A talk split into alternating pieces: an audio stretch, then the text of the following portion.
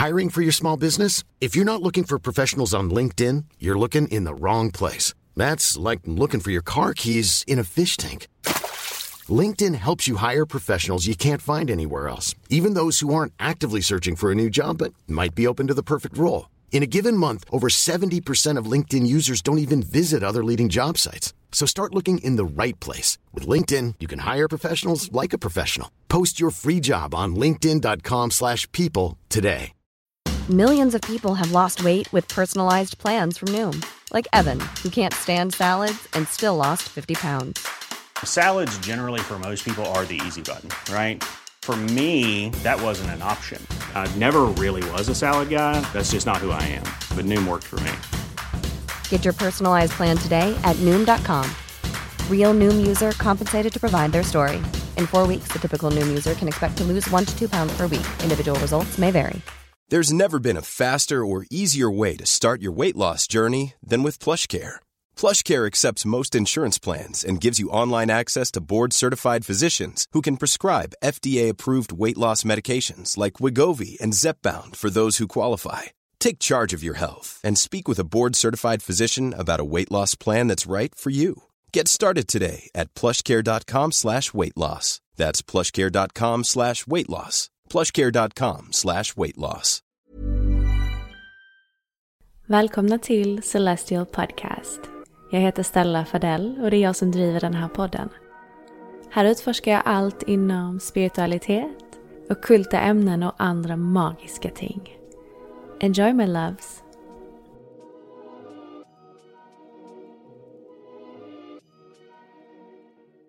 Hej alla magiska varelser och varmt välkomna tillbaka till Celestial Podcast.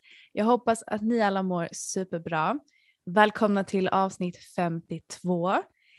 Och jag vill börja med att säga vilken fantastisk respons det var från mitt förra avsnitt tillsammans med Karin och Frida. Det verkar som det avsnittet verkligen väckte mycket tankar hos er och eh, just om er egna själsnärvaro och huruvida ni medvetet eller omedvetet jobbar med mörka energier och vad det kan innebära för er. Och ja, det verkade som att det landade väldigt fint och eh, har fått er att eh, blicka inåt lite mer och det är ju alltid någonting jag uppmanar till att göra så att jag är glad att det landade så fint hos er. Ehm, jag kan säga att den senaste veckan så har jag faktiskt själv känt att det varit en del tyngre energier som ehm, Alltså det låter så aggressivt att säga attackerat men det är lite så det har känts.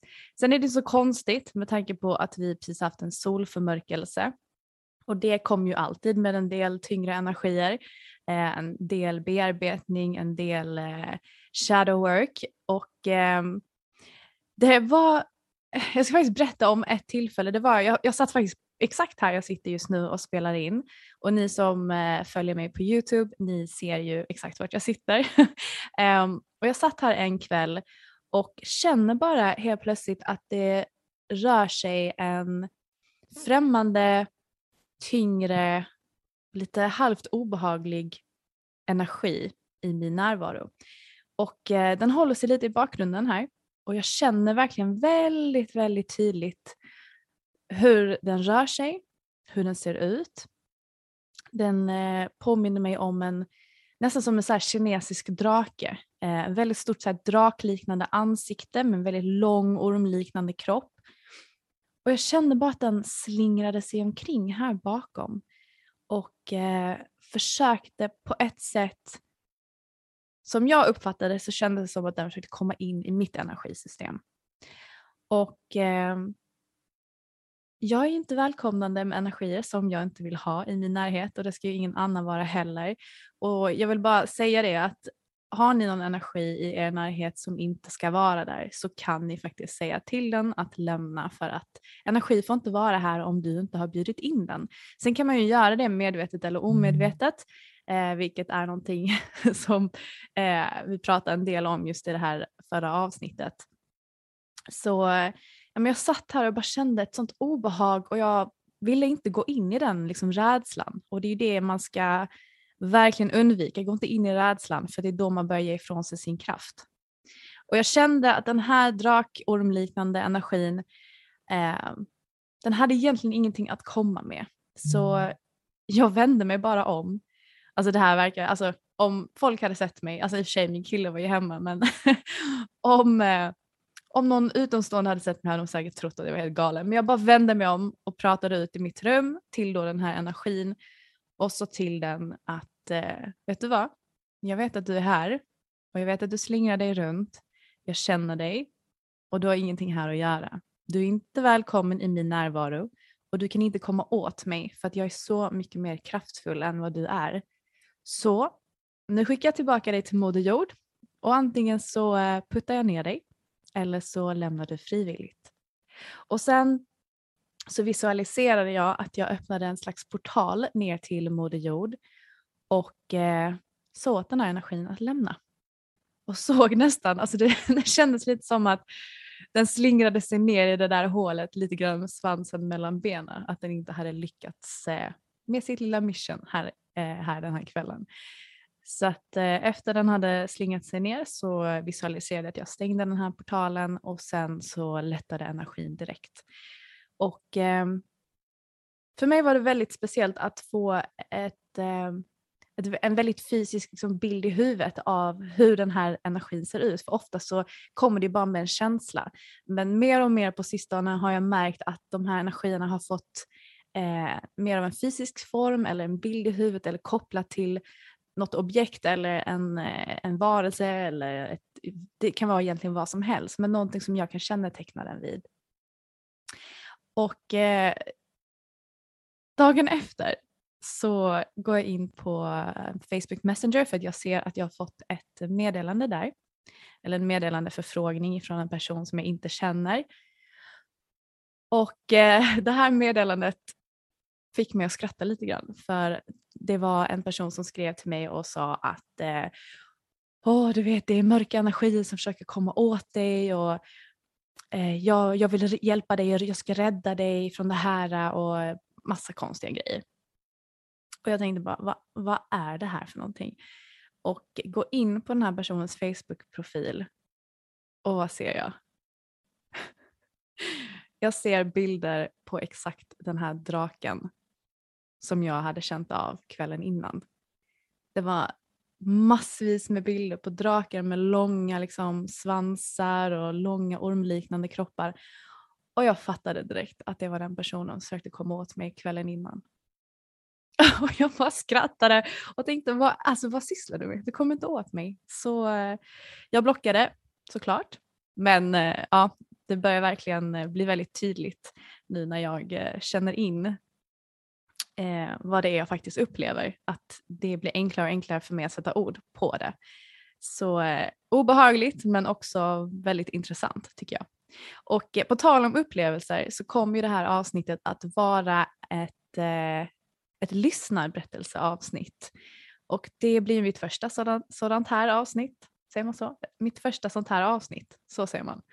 Ehm, och jag är så tacksam för att ni mina underbara lyssnare har skickat in era upplevelser eh, där ni har varit med om andliga eller övernaturliga upplevelser och aktivitet. Så eh, tack snälla för att ni tog er tiden att skriva ner och mejla mig och att jag får dela dessa i podden. Jag kommer nog gå in på ungefär tre, fyra stycken så att om jag inte läser upp din berättelse den här gången så kommer jag spara den till nästa avsnitt. Och eh, det är helt enkelt bara för att det inte ska bli alldeles för långt. Så eh, innan vi hoppar in i det så vill jag bara påminna om att eh, Celestial Podcast finns ju på Patreon. Och, eh, jag har ju så mycket idéer och saker jag vill göra med podden och eh, liksom vart jag vill ta den. Om det är så att ni känner att ni vill stötta podden lite mer än vad ni redan gör så får ni jättegärna gå in och stötta podden via Patreon. Och den lägsta nivån är bara 33 kronor i månaden men det hjälper mig enormt om det är så att jag vill ja, vidare, vidare skapa och ta podden till nästa nivå om man säger så.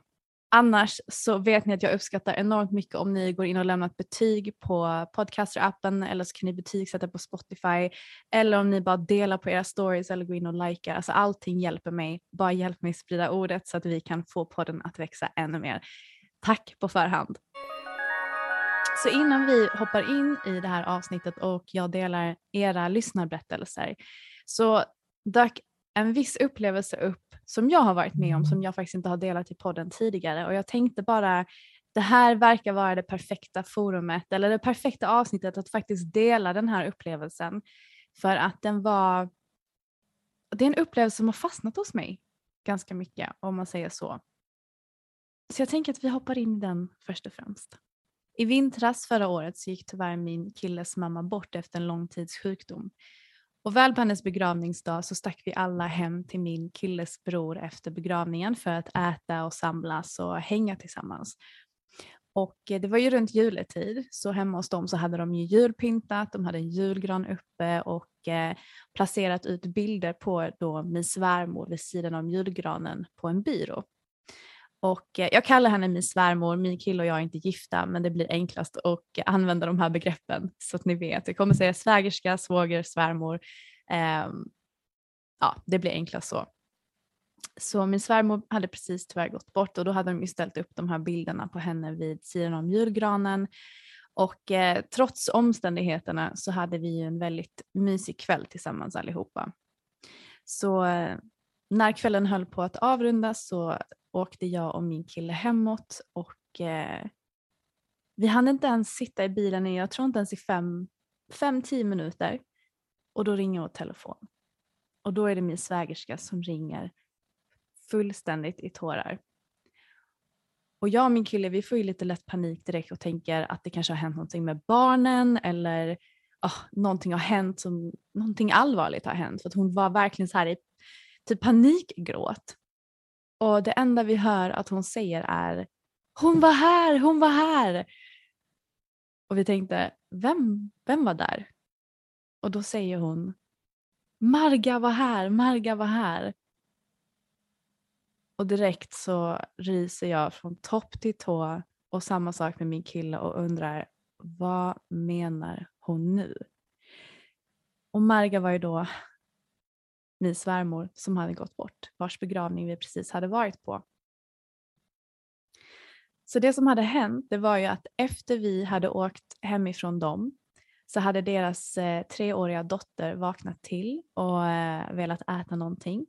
Så att de hade satt sig med henne vid matbordet och eh, ja, men, pratat lite med henne, frågat henne vad hon hade tyckt om dagen, om kvällen.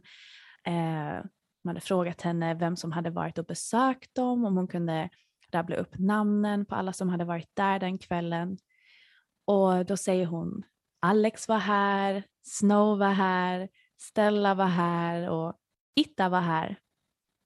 Varpå de stannar upp och frågar vad menar du att Itta var här? Och Itta är ju förkortningen för Awalita på spanska. Och Itta var ju det namnet som hon kallade sin farmor, alltså min svärmor. Och samtidigt som de försöker smälta det deras dotter säger så pekar hon ut genom fönstret till trädgården och säger ja, hon står ju där ute. Precis i det ögonblicket så börjar en julkula svaja fram och tillbaka i julgranen. Och märk väl, det var inte tvärdrag, inget fönster var öppet, inga dörrar var öppna. Det var ingen annan julkula, ingenting hade stött till granen. Det var en julkula på hela granen som började svaja fram och tillbaka. Och så pass mycket att den slog in i jul i den här ljusslingan i julgranen så att man hörde kling, kling, kling. Och just denna julkula var en som stod precis vid bilderna på henne. Hon var där. Hon visade sig så tydligt den kvällen.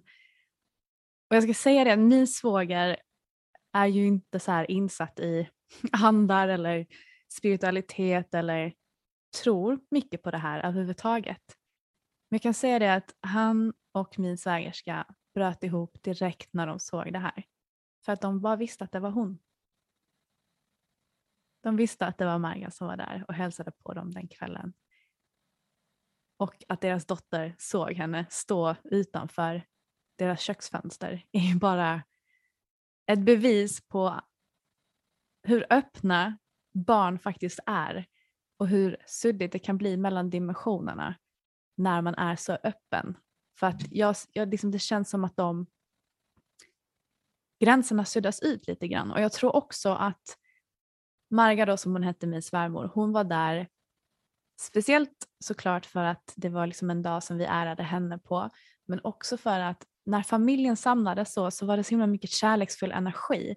Och jag tror att när man, när man skapar en sån härlig kärleksfull energi och lyfter liksom frekvensen på det sättet så, så känns det nästan som att det är enklare för andarna att visa sig och komma igenom och att just de här dimensionerna, de här gränserna mellan världar suddas ut. Och det var bara helt otroligt att hon kom och besökte oss så tidigt efter att hon hade lämnat och gått över till andra sidan. Och det var en, ja, det var en, verkligen, det är någonting som har fastnat hos mig så djupt. Och eh, jag är så tacksam att hon visade sig för att det var ju såklart så himla traumatiskt och, och en väldigt jobbig tid. Speciellt för då min kille och hans bror. Men det var liksom nästan som en liten validering att eh, livet tar inte slut bara för att den fysiska kroppen lägger av. Så det var den berättelsen och eh, ja, jag ville bara dela det med er. Jag kände att det var liksom rätt avsnitt att dela det med er. Och jag är helt övertygad om att ni har varit med om liknande grejer, att era nära och kära har varit på besök. Ehm, men hörni, jag tänker så här att vi ska hoppa in i den första lyssnarberättelsen. Och den här är inskickad ifrån Paulina. Så tack snälla Paulina för att du tog dig tiden att skriva ner allt det här. Det är faktiskt två hela A4-sidor. Och jag ska göra mitt absolut bästa för att göra den här berättelsen rättvisa. Så mina vänner, det är ju bara att eh, hälla upp en kopp te, hämta lite småkakor, bädda ner i soffan med en filt och bara, bara njuta av de här berättelserna. Oh, I alla fall, vi sätter igång. Det här är en historia om min andra upplevelse med andra sidan i mitt liv. Min sambo och jag flyttade in i det finaste lilla 50-talshuset ute på landet sommaren 2020. Allt kändes bra och det var en sån lättnad att vi äntligen hade hittat rätt.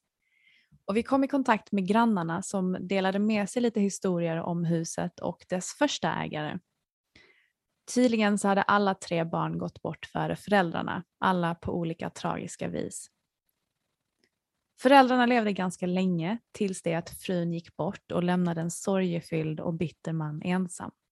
Och grannarna berättade att han gick runt på sin tomt som om han vore herre på tappen.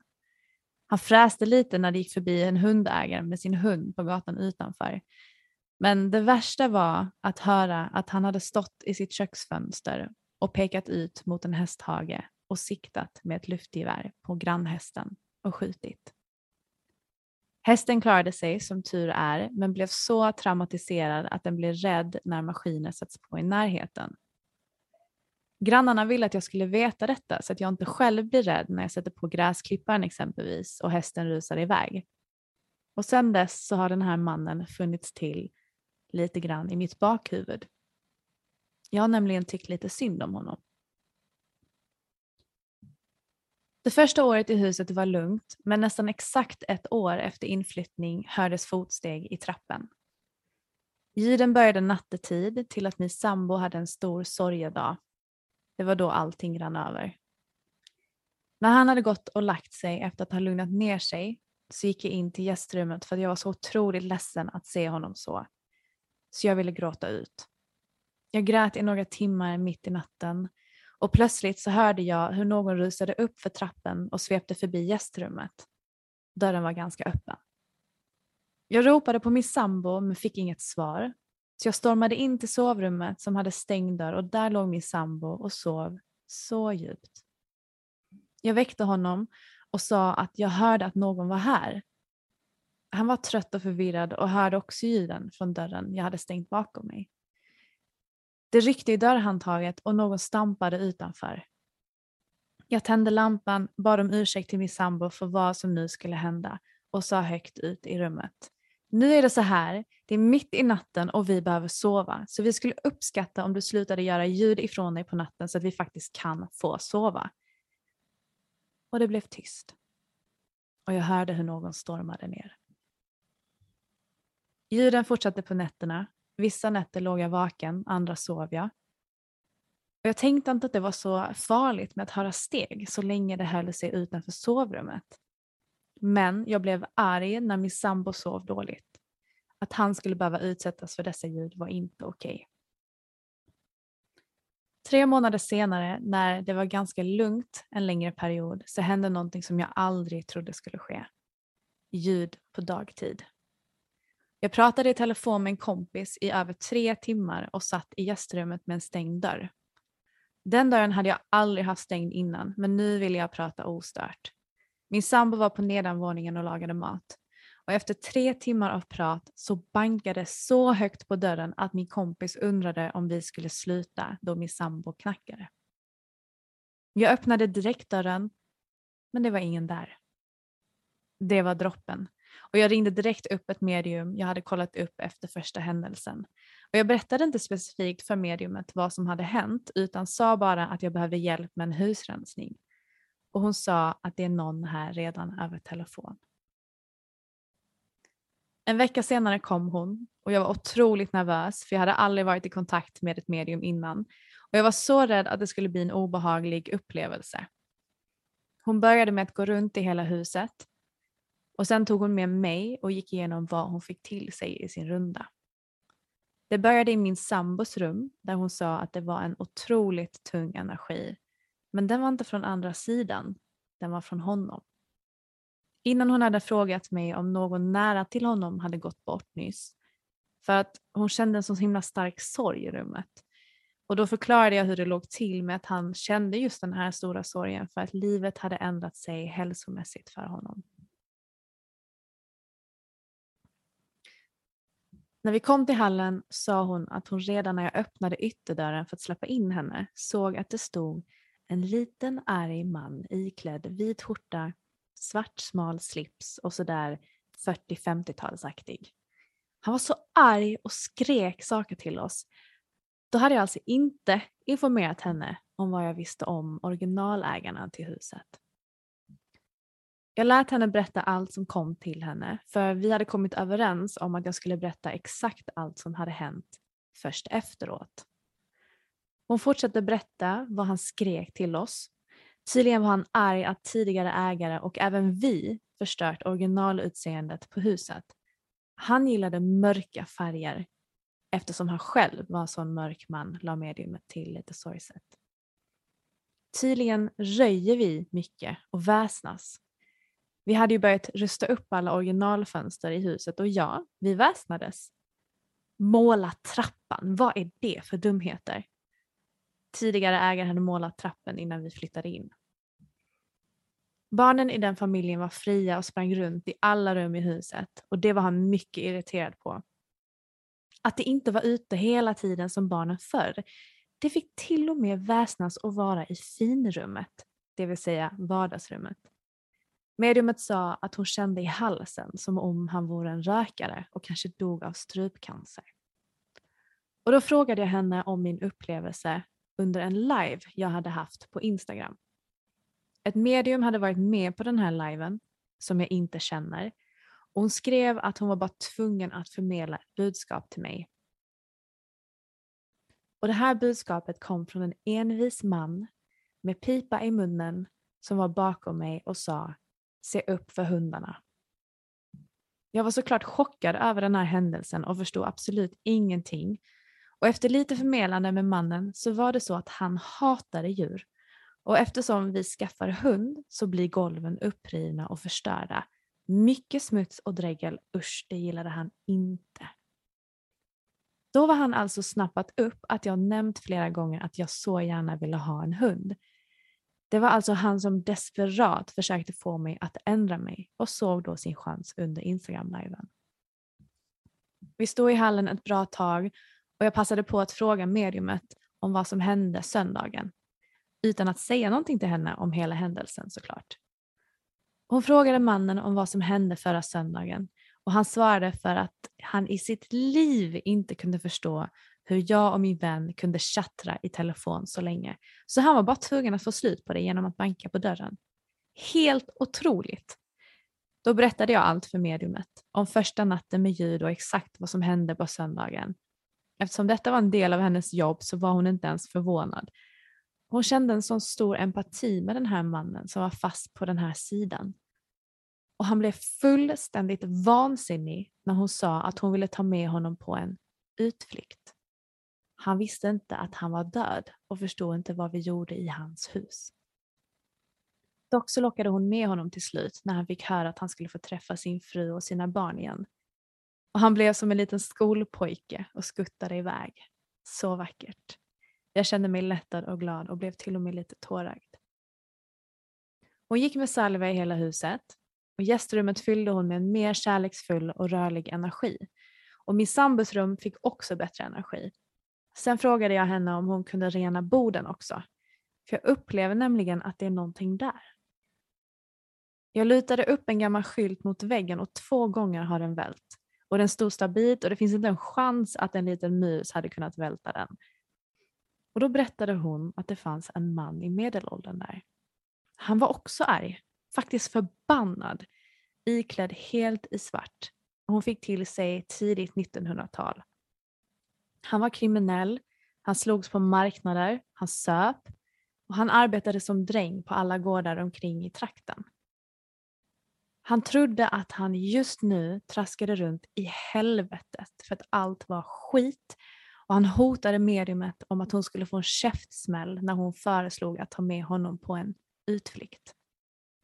Och till slut så ville han med upp när, han, när hon nämnde någonting med bror. Helt otroligt att vi hade en man i Boden. Inte så konstigt att jag känt en olustighet av att vara där och måla. Men nu har vi fått ha huset för oss själva i åtta månader och det känns helt annorlunda. Det var en fin känsla när vi flyttade in, men nu känns det mer som att luften är klar. Wow Paulina, vilken, eh, vilken upplevelse. Mycket aktivitet i det där lilla huset och eh, skönt att ni fick det rensat om man säger så. Särskilt från eh, två, två arga gubbar som man kanske inte vill ha runt omkring sig. Eh, det slipper man nog gärna. Men jag, jag tycker det är lite så här sorgligt att höra att vissa andar fastnar i just det här limboläget. Att de inte vet om att de är döda, att de tro att de traskar omkring i helvetet till, helvetet till och med. Det känns bara så här tragiskt. Och jag undrar varför det blir så att vissa andar fastnar och vissa går över helt och hållet till ljuset. Det har varit intressant att få veta mer om det. Jag kan inte tillräckligt mycket om just mediumskapet och jag har liksom inte interagerat med andar på det sättet. Så att jag, ehm, ja, det där är nog en fråga jag ska ställa ett medium nästa gång. Jag får nog ställa den till Karin så får vi se vad hon svarar. Men tack ännu en gång för att du skickade in den. Två hela sidor. Wow, så tacksam. Hörni, vi går vidare till nästa berättelse tänker jag. Och den här är inskickad ifrån Evelina. Hej fina du! Då ska jag försöka dela med mig av några händelser som jag har varit med om under de senaste tio åren som jag kan minnas. Jag har varit som mest öppen och mottaglig för andlig kontakt då jag varit gravid och ammat. Och vad det kan bero på har jag ingen aning om. Men vi börjar med när jag var höggravid med min förstfödda. Vi hyrde ett hus på landet av ett fint par med tvillingar och de skulle bort över helgen och berättade för oss att de skulle komma tillbaka hem natten mot måndag eller tidigt på måndagsmorgonen. Pappan till mitt förstfödda barn jobbade som asfaltsläggare och la just då ny asfalt på E14 i Östersund. Så de var tvungna att lägga nattetid på grund av att det är så mycket trafik där dagtid. Så jag var själv hemma den söndagskvällen. Jag låg i sängen och försökte somna samtidigt som jag kollade på en film. Och som höggravid så är det väldigt svårt att hitta en bekväm position. Så det var långt inne på natten nu. Plötsligt så hör jag hur en man och kvinna börjar prata med varandra och vad de säger kan jag inte urskilja men jag hör väldigt tydligt att det är en kvinna och en man. Jag tänker inte så mycket mer på det utan jag tror ju att det är hyresvärdarna som har kommit hem lite tidigare. Så jag somnar till slut. Det blir måndag och de kommer och knackar på för att berätta att eh, nu är vi hemma igen. Och så svarar jag ja, jag hörde att ni kom hem i natt. Jag hörde att ni stod och pratade vid ert garage. Varpå de tittar på varandra och tittar på mig sen och säger vi kom hem för en timme sen. Det var alltså inte dem jag hörde på natten och närmsta granne bodde cirka fyra kilometer ifrån oss. Och det komiska var att efter vi hade sovit första natten i det huset så kom hyresvärdarna och frågade om vi hade sovit gott den där första natten. Absolut, det hade vi. Hur så undrade vi. Jo, det spökar nämligen här, säger de med ett leende på läpparna. Det går några år och vi flyttar till en lägenhet här i byn där vi nu bor och saker börjar sakta hända igen. Min äldsta son var hungrig så min sambo går och ställer i ordning välling till honom medan jag roar honom. Och efter någon minut så känner jag hur någon sätter sig bredvid mig. Jag tror ju såklart att det är min sambo som lyckades smyga, men det var ingen där. Jag fortsätter kolla på min son som sitter längst upp i sängen och jag sitter i mitten ungefär. Och plötsligt så känner jag hur någon sparkar mig i rumpan från sängens undersida. Jag slänger mig ner och kollar om någon ligger under sängen. Men det var ingen där. Jag sätter mig upp och det fortsätter. Jag tittar på min son som sitter med en babyvakt som han slår i sängen i samma takt som sparkarna fortsätter att komma i. Så jag intalar mig att det är han som gör det. Men det känns som att någon sparkar mig i rumpan. Men så slutar han slå och sparkarna fortsätter komma. Jag blir smått rädd och irriterad och säger bestämt åt den som sparkar att den snällt får sluta. Men det fortsätter så jag drämmer näven och säger till på skarpen. Och därefter får jag en så hård spark i rumpan att jag lyfter ur sängen. Jag får med mig sonen i farten och möter sambon och säger jag tänker inte sova där inne i natt. Det går några månader och det är vinter så det är väldigt mörkt om natten. Sambon har åkt och jobbat och jag håller på att somna när jag plötsligt hör hur någon kommer gåendes mot oss i vårt sovrum. På min ena sida har jag min fyraåriga dotter och på andra sidan min ett och ett halvt åriga son. Och jag hinner bara tänka att jag måste slänga mig över min dotter, alltså hon ligger längst ut närmst hallen. Och jag är rädd att den som kommer ska ta tag i hennes arm så att hon kan bli rädd. Sagt och gjort, jag slänger mig över henne så nu ligger jag längst ut. Sen känner jag att någon tar tag i min överarm på högerarmen. Men det är ingenting skrämmande utan snarare som att den som är hos oss vill visa att han eller hon är där. Och sen hör jag hur denna ande går iväg samma väg som den kom. Sen kom vi till ett rött hus som vi hyrde. Min sambo åkte på spring meet så jag är hemma själv med barnen. Jag sitter och kollar film samtidigt som jag ammar yngsta sonen som just har vaknat. Klockan är cirka 11 på kvällen och jag vet att sambon kommer komma när som helst. Så jag hör ju hur ytterdörren öppnar och sen så drar personen i fråga ner dragkedjan på jackan och hänger därefter upp jackan. Jag hör ju hur det plasslar bland jackorna. Jag säger tyst att jag sitter i vardagsrummet med yngsta sonen så han får vara tyst. Men sen hör jag ingenting mer. Jag ber sambon att snälla inte skrämmas för att sonen ska inte behöva vakna och jag får fortfarande inget svar. Då tar jag upp telefonen och ringer sambon. För att när jag ringer honom så får jag ju höra vart han är och då kan jag inte bli rädd. Men sambon svarar då att han är på Maxi och att han just skulle åka hemåt. Han är alltså 30 minuter hemifrån. Och sista berättelsen här då från Evelina. En dag så känner jag hur det rinner till i min högra skinka. Jag får samma känsla två gånger till den dagen men kopplar inte det till någonting speciellt. Men den där känslan kommer även nästa dag och dagen efter det och så fortsätter det så. Och nu blir jag rädd för det känns som att jag fått en propp i skinkan då känslan jag har är att det rinner, precis som att det skulle kunna vara en propp och blodet rinner ner kring själva proppen. Men jag har inte ont någon annanstans runt skinkan, jag har ingen feber, jag har inte ont alls. Och dagarna går och efter en och en halv vecka med denna rinnande känsla tror jag på riktigt att jag håller på att bli galen. Och nu kommer det med fem, tio minuters intervaller och hela dagen. Men så kom jag på att jag måste ju ha en energi med mig. Så jag ringer min kusin som är medial och frågar om hon kan hjälpa mig. Berättar att jag har en ande med mig och att jag haft en rinnande känsla i min ena skinka och jag tror att jag har hållit på att blivit sjuk. Hon säger att om det är någonting som hon ska hjälpa mig med så kommer hon få till sig det. Det går kanske 25 minuter innan jag får ett sms av henne. Hon skriver att hon har extremt ont i hela högra benet. En man som går omkring med en rollator väldigt motvilligt. Och nu är det så att detta var en person jag kände väl i livet men som jag inte alls kunde koppla detta till. Jag jobbade och tog hand om honom även i mitt jobb. Jag jobbar inom hemtjänsten. Och det började i alla fall med att han bytt höftkula på vänster sida och den operationen var lyckad. Och året efter skulle han göra samma operation på högra höftkuda.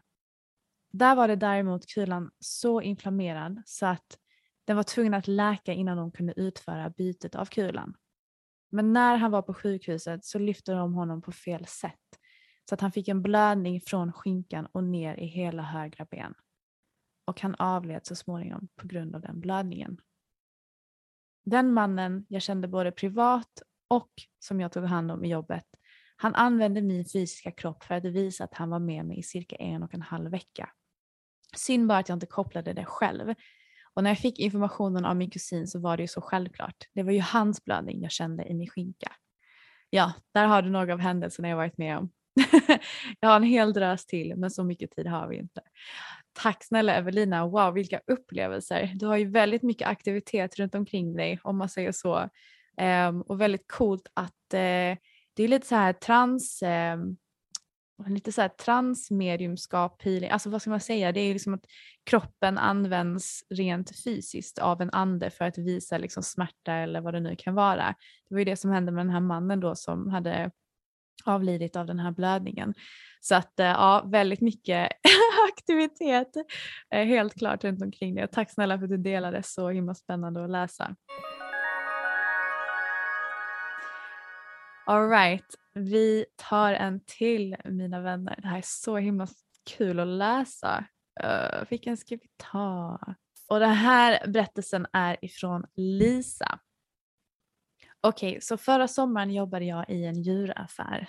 Det fanns en trappa upp till ett litet loft med personalrum och kontor och så vidare och ett låst lager i bak där enda vägen in och ut var den låsta dörren in till butiken.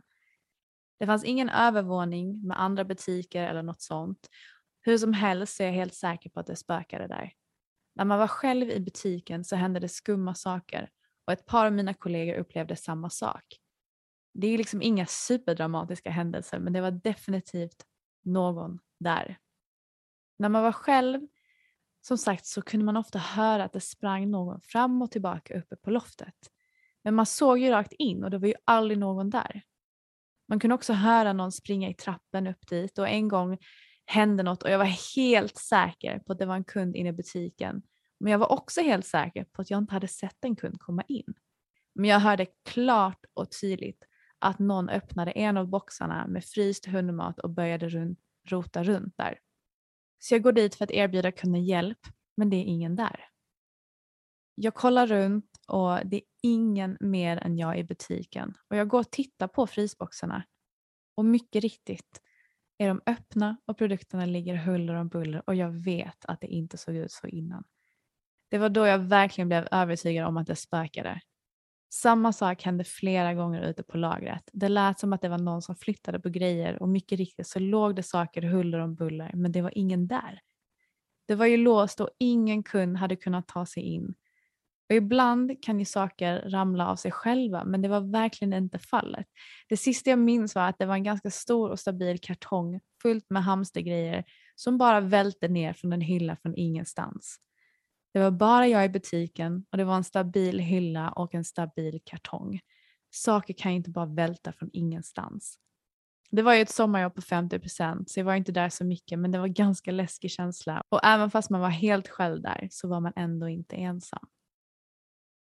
Oj vad spännande att andarna flyttade fysiska föremål på, på det sättet. Det är ju alltid spännande. Men ja, ah, gud. Jag hade nog blivit lite nojig om jag var du Lisa. Jag förstår att du säkert var det också men eh, ja, det var ju verkligen spökligt i den där butiken. Det kanske var, det kanske var, det kanske var ett djurspöke, en djurande som ville åt hundmaten eller hamsterfodret. Vem vet? Men oh, jag älskar sånt där. Jag älskar att läsa de här berättelserna. Okej, okay, vi tar en till. Alltså det här är så mysigt. Okej, okay, från Madeleine. Alright, hej Stella. Ville först säga att din podd verkligen utstrålar bra energi och jag älskar verkligen det jobb du lagt ner i den. Min berättelse handlar om en kväll när jag hade varit på fest för första gången med min bästa kompis som tonåring.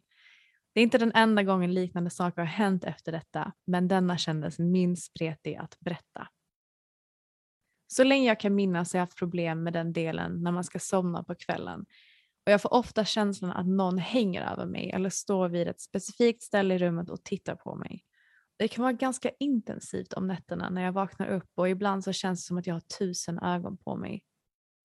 Numera kan jag fortfarande ha problem med detta men det försvinner om jag är noga med att rena sovrummet och lägga beskydd.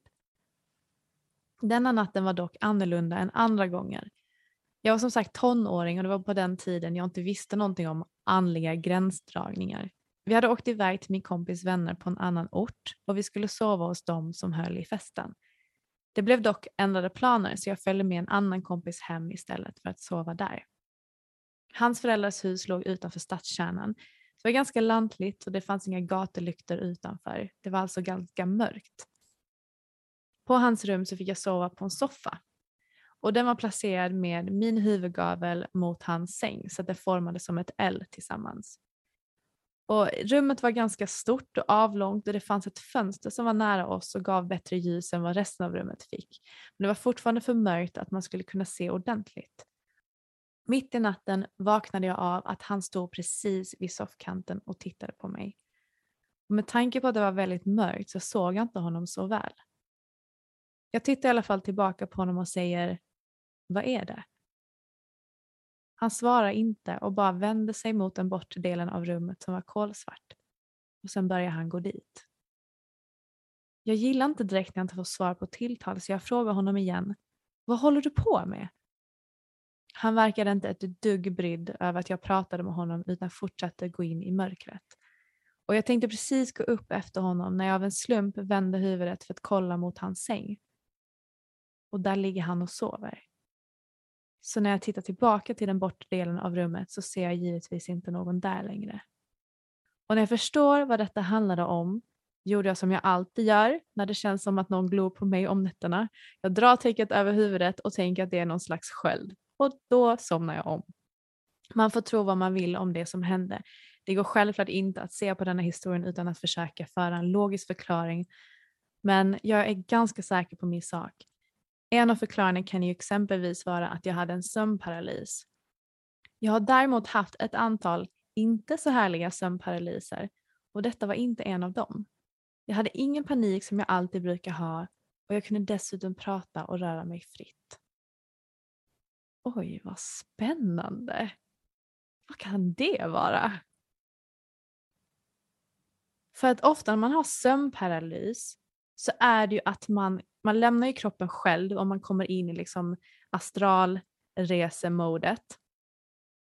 Och då kan man ju se tillbaka på sin fysiska kropp. Men du såg ju hans astrala kropp. Hur går det ihop? Gud vad spännande. Och det här ger mig så mycket tankeställare. Jag har faktiskt aldrig tagit träning, aldrig varit med om sömnparalys, jag är väldigt tacksam över det. Eh, jag tycker det verkar jätteobehagligt. men, men sen så vet jag ju också att om man bara slappnar av, eller det jag liksom har fått till mig och lärt mig och hört ifrån andra, att man ska bara liksom slappna av och sen så kommer man vidare in i en astralresa och det kan ju vara helt fantastiskt.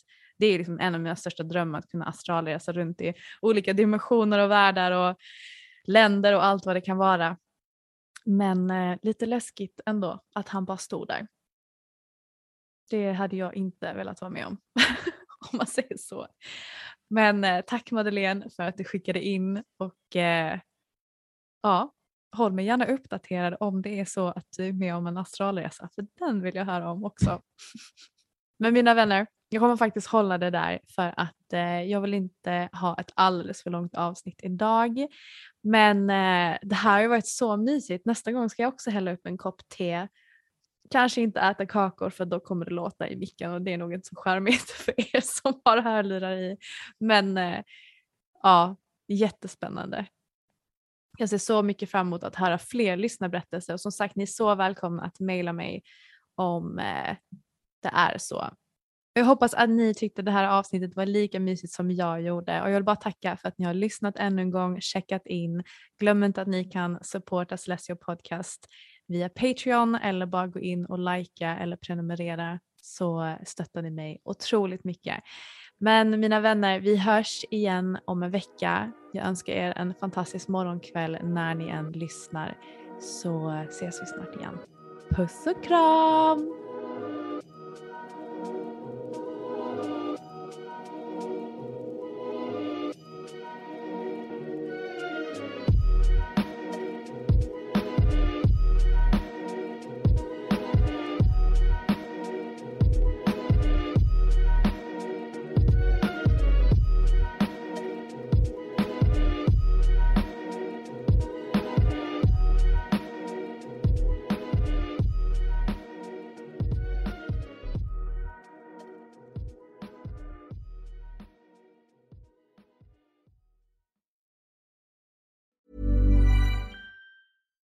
Deserves the best, and there's no better place to shop for Mother's Day than Whole Foods Market. They're your destination for unbeatable savings, from premium gifts to show-stopping flowers and irresistible desserts. Start by saving 33% with Prime on all body care and candles. Then get a 15-stem bunch of tulips for just $9.99 each with Prime. Round out Mom's menu with festive rosé, irresistible berry chantilly cake, and more special treats. Come celebrate Mother's Day at Whole Foods Market. Hi, I'm Daniel, founder of Pretty Litter. Cats and cat owners deserve better than any old-fashioned litter. That's why I teamed up with scientists and veterinarians to create Pretty Litter. Its innovative crystal formula has superior odor control and weighs up to 80% less than clay litter. Pretty Litter even monitors health by changing colors to help detect early signs of potential illness. It's the world's smartest kitty litter. Go to prettylitter.com and use code ACAST for 20% off your first order and a free cat toy. Terms and conditions apply. See site for details. When you make decisions for your company, you look for the no brainers. And if you have a lot of mailing to do, stamps.com is the ultimate no brainer. It streamlines your processes to make your business more efficient, which makes you less busy. Mail checks, invoices, legal documents, and everything you need to keep your business running with stamps.com. Seamlessly connect with every major marketplace and shopping cart.